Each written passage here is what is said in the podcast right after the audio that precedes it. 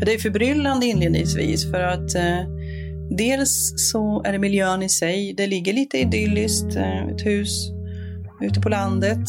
Det som var tydligt var ju hur de hade dött, men inte varför. Pappa var en väldigt lugn person. Han eh, var väl i princip lugnet personifierat. Vi eh, hade lite planeringar inför min dotters första skolavslutning. Det här kommer att bli en enormt omfattande utredning. Polisen ska nu gå igenom över 1000 timmar film. Vi har ju idag ingen skäligen misstänkt. Den rösten och den iskallhet som han berättade så kändes det som att eh, det här kan mycket väl hända. Eh, viljan, behovet av att döda. För jag förstår inte varför mamma och pappa inte svarar. Vi hittar ingenting som indikerar att de är utvalda i förväg. Väldigt mörkt, eh, nersläckt. Och så ropar jag hallå.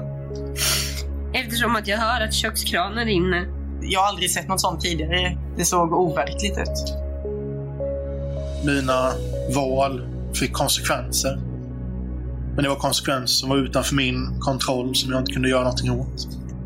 Nu har vi ju någonting konkret att gå på i jakten efter gärningsmännen.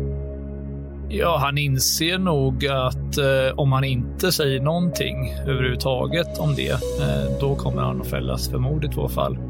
Jag har enorma samvetskval för det är ett fasansfullt brott, ett hemskt brott. Men det var inte jag som dödade.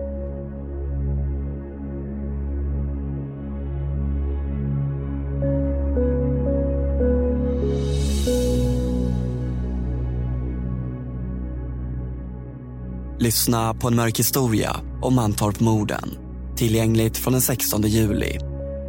Du som stödjer oss via Acast-appen kan redan nu lyssna på alla tre delar.